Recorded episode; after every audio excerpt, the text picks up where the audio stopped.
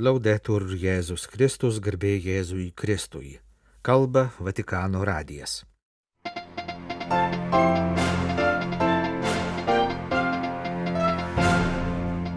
Popiežius parašė laišką šventosios Julijonos iš Noridžo minėjimų proga. Venecijoje vyks renginys skirtas popiežiaus Jono Pauliaus I mokymui. Baigėsi Caritas Internacionalis asamblėje išrinkusi naujus federacijos vadovus. Egipto koptų ortodoksų bažnyčios vadovas užbaigė vizitą Romoje. Anglijos katalikų ir anglikonų bendruomenės per ateinančius mėnesius iškilmingai pagerbs garsėją viduramžių mistikę motiną Julijoną iš Noridžo, rengiamos piligrimystės iš viso pasaulio į Noridžo anglikonų ir katalikų katedras, minint apsireiškimų Julijonai 650 metinės. Metinių proga popiežius Pranciškus laišku pasveikino rytų Anglijos vyskupą Petrį Collinsą, o per jį visus gegužės 13 dieną dalyvavusius ekumeninėse iškilmėse ir suteikė apaštališkai palaiminimą.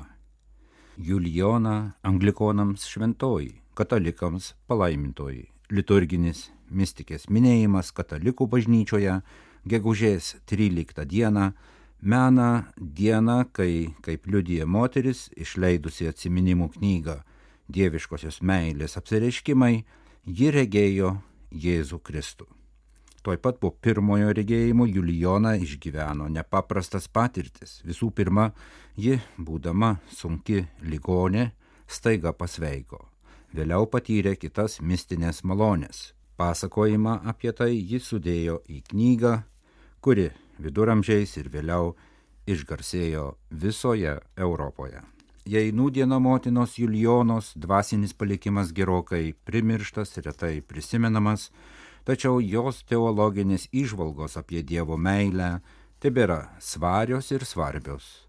Popiežius Benediktas XVI kartą vienoje katechezėje apie garsesias krikščionės priminė, kad kai kurios mistikės Julijonos išvalgos įtrauktos į dabartinį katalikų bažnyčios katekizmą. Istorikai sutinka, kad apie Celėje prie Noridžo katedros atsiskyrėlišką gyvenimą vedusios Julijonos biografijos faktus žinoma tikrai nedaug. Taip ir liko neaišku, ar Julijonos atsiskyrėlišką gyvenimą nulėmė pašaukimas į vienuolišką gyvenimą, ar galimai artimuosius pražudęs maras. Gal ji priklausė prie Noridžo katedros gyvavusio vienuolyno bendruomeniai, gal ji priklausė prie Noridžo katedros gyvavusio vienuolyno bendruomeniai, o gal buvo paprasta pasaulietė. Pasak kai kurių tyrinėtojų, iki galo neaišku ir tai, ar jos vardas buvo Julijona, nes ji pati savo veikale nemini vardo. Spėliojama, kad jai vardas suteiktas vėliau pagal Noridžo šventojo Julijono bažnyčią, prie kurios jį gyveno ir iš kurios anuomet turtingos bibliotekos, Noridžas tada vadintas antruoju svarbiausiu Anglijos miestu po Londono, sėmėsi teologinių žinių. Popiežius Pranciškus laiške patikino, kad gili mistikės Julijonos iš Noridžo reikšmė krikščionių tradicijai mums kalba per amžius, yra vis labiau pripažįstama ir minima. Jos motiniška įtaka, nuolankus anonimiškumas ir gilios teologinės išvalgos yra savalaikis priminimas visiems, kad tikėjimas į mylinčio Dievo apvaizdą ir gyvenimo šventumas per dosnę tarnystę stokojantiems yra amžinos tiesos, pabrėžiančios ne tik krikščioniškos mokinystės svarbą, bet ir teisingos, seseriškos ir broliškos visuomenės esmę. Pranciškus išreiškė viltį, kad motinos Julijonos iš Noridžio gyvenimas padės visam pasauliui geriau suvokti, kad nepaisant mumyse esančio blogio, viskas išeis į gerą. Romos vyskupas Pranciškus laiške pridūrė, jog meldžia, kad šie Julijonos iš Noridžio nenykstančios išminties žodžiai galėtų paguosti ir sustiprinti visus kenčiančius dėl karų, neteisingumo, ekologinių katastrofų ar dvasinio skurdo. Knygos Dieviškosios meilės apsireiškimai autorė Julijona iš Noridžo papasakojo tiek apie regėjimus, tiek apie tai, kaip Jėzus Kristus juose paaiškino, ką jis norėjo pasakyti ir kokia jų prasme. Gerai, įsidėmėk. Jis nori tau apreikšti meilę. Kas tau tai apreiškia? Meilė. Kodėl apreiškia? Iš meilės. Įdant žinotum, kad tavo viešpats yra meilė.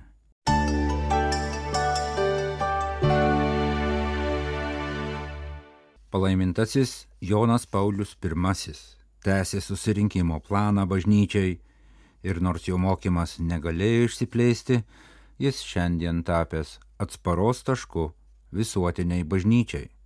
Apie šio tik 33 dienas popiežiumi buvusio Romos vyskupo mokymą bus kalbama gegužės 23-ąją Venecijoje įvyksiančioje konferencijoje kardinolas Pietro Parolinas, Vatikano Jono Pauliaus I fondo pirmininkas, kiti fondo atstovai, akademikai ir bažnyčios Italijoje istorikai konferencijoje Kafoskari universitete Venecijoje pristatys naują veikalą apie Jono Pauliaus I mokymą pagal istorinius dokumentus.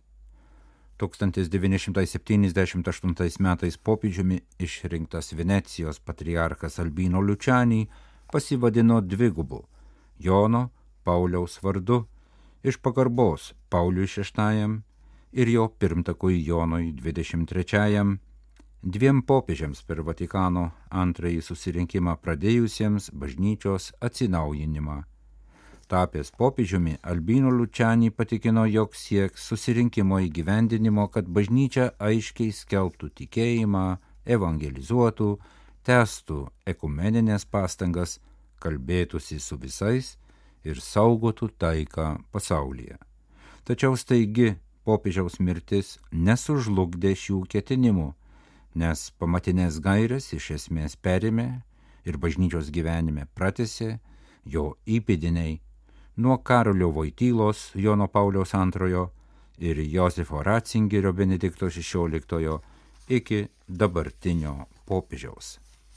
Šiemet minimos palaimintojo Jono Pauliaus I išrinkimo ir mirties 45-osios metinės.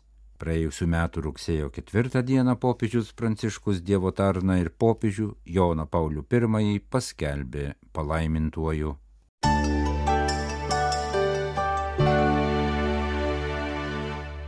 Gegužės 15 dienos vakare 400 Karitas internacionalis generalinės asamblėjos dalyvių, atstovaujančių per 160 nacionalinių Karitas organizacijų, išrinko naująjį generalinį sekretorių Alisterą Dutoną, kuris iki šiol vadovavo Škotijos Karitas organizacijai ir buvo vienas iš Europos Karitas regiono atsakingųjų išrinkta ir vicepirmininkė Australijos karitas vadovė Kirsti Robertson.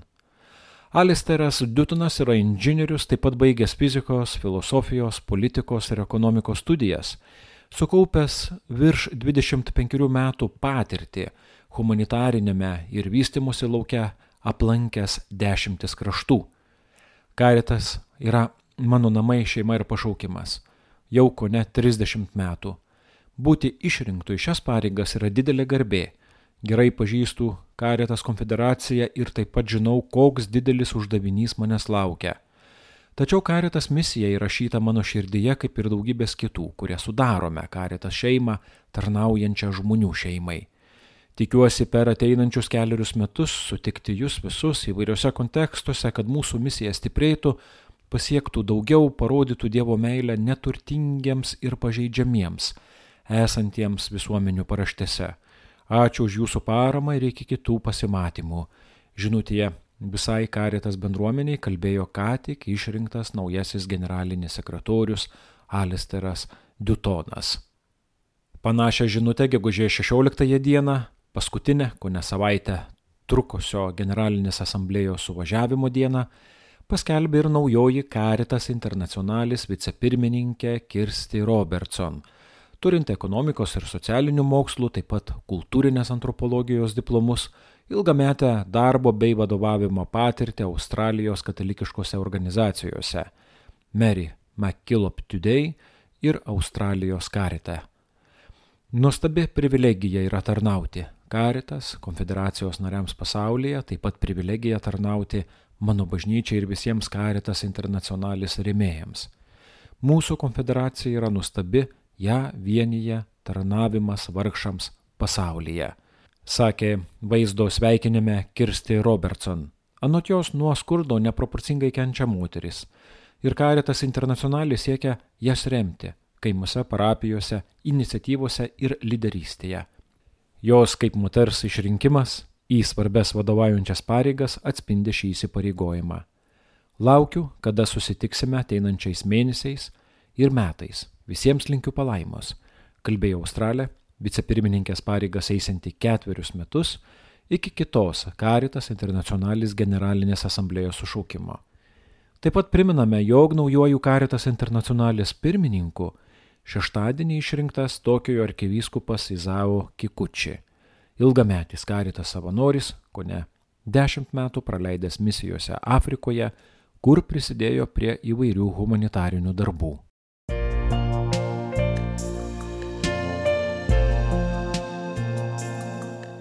Jūs klausotės Vatikano radio. Tęsėme žinių laidą lietuvių kalba.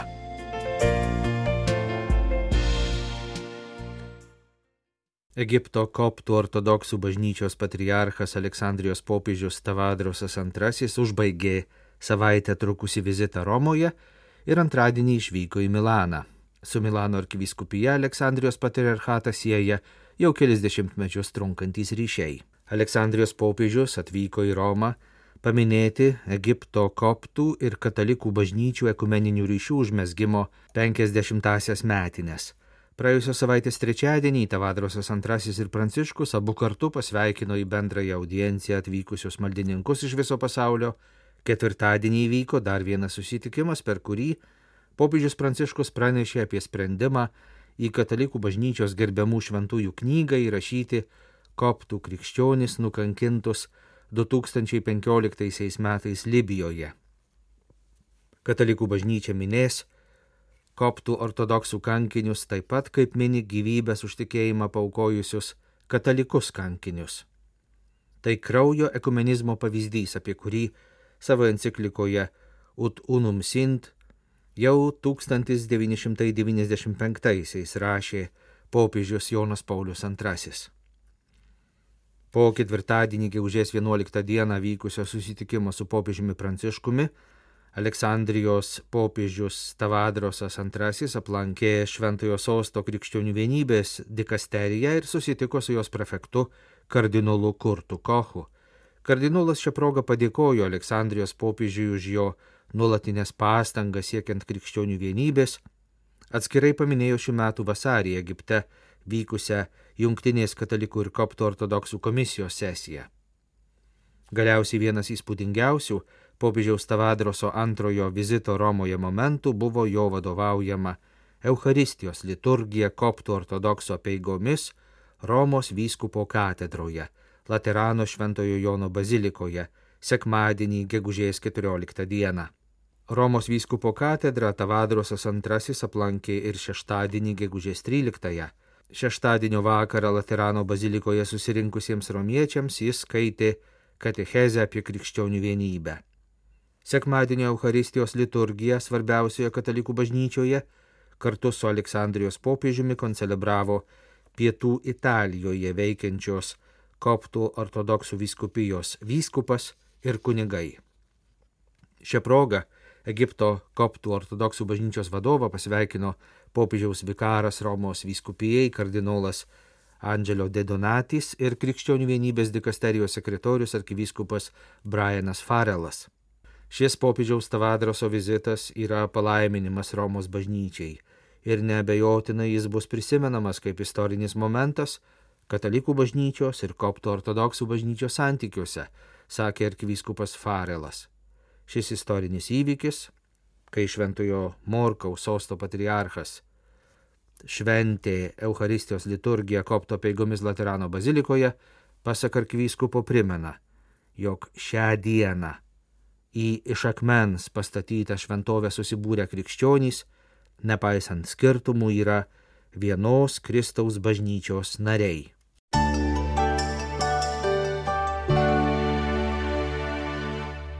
Per gegužės 11 dieną Vatikane vykusį susitikimą su Aleksandrijos koptų ortodoksų patriarchu Tavadros II, popiežius Pranciškus pranešė, kad 21 koptų krikščionys, kurie buvo nužudyti Libijoje 2015 metais ir katalikų bažnyčioje bus gerbiami kaip kankiniai. Libijoje dirbę 20 Egipto koptų ir jų kolega iš Ganos buvo pagrobti 2015 m. pradžioje. Nežinoma tiksli jų kankinystės data. 2015 vasario 15 dieną vadinamosios Islamo valstybės teroristai paskelbė egzekucijos įrašą. Jame 21 vyras, apvilkti oranžiniais kombinezonais, parklubdyti paplūdimyje. Už jų kaukėti juodai apsirengę teroristai. Visiems koptams buvo perrieštos gerklės Vaizdo įraše matyti, kai kai kurie mirties akimirką šaukėsi Jėzaus Kristaus. Nužudytųjų kūnai buvo surasti bendrame kape tik daugiau kaip po dviejų metų. Netrukus po palaikų suradimo Aleksandrijos popiežius Tavadrosas II pranešė, kad šie vyrai mirė tardami Jėzaus vardą, įtraukiami į koptų bažnyčios gerbiamų šventųjų kankinių sąrašą. Koptų šventuosius kankinius nekartą su didelė pagarba yra minėjęs popiežius Pranciškus. Prieš trejus metus, kai buvo minimos jų kankinystės penktosios metinės, Pranciškus sakė, kad jis giliai savo širdyje saugo tų kankinių kraujo krikštą. Jie yra mūsų šventieji, visų krikščionių šventieji, visų krikščioniškų konfesijų ir tradicijų šventieji. Jie yra tie, kurie savo gyvenimą nuplovė avinėlio krauju, sakė popiežius. Jis priminė, kad šie kankiniai buvo paprasti tikintys vyrai, kurie išvyko dirbti į užsienį, kad išlaikytų savo šeimas. Paprasti šeimų tėvai trokštantys oriai užsidirbti duoną. Mirties akimirką jie šaukėsi viešpaties Jėzaus. Dėl savo paprasto, bet nuseklaus tikėjimo jie gavo didžiausią dovaną, kokią tik gali gauti krikščionis - liudyti Jėzų Kristų iki pat gyvybės aukos. Praėjusios savaitės ketvirtadienį, gegužės 11 dieną, per susitikimą su Aleksandrijos popiežiumi Tavadros antrojų praneždamas, kad ir katalikų bažnyčia gerbs šiuos kankinius kaip šventuosius, popiežius Pranciškus sakė, tegul koptų kankinių maldos, sujungtos su Dievo motinos maldomis, stiprina mūsų bažnyčių draugystę iki palaimingos dienos, kai galėsime drauge prie to paties altoriaus švesti išganytojo kūno ir kraujo sakramentą, kad pasaulis įtikėtų.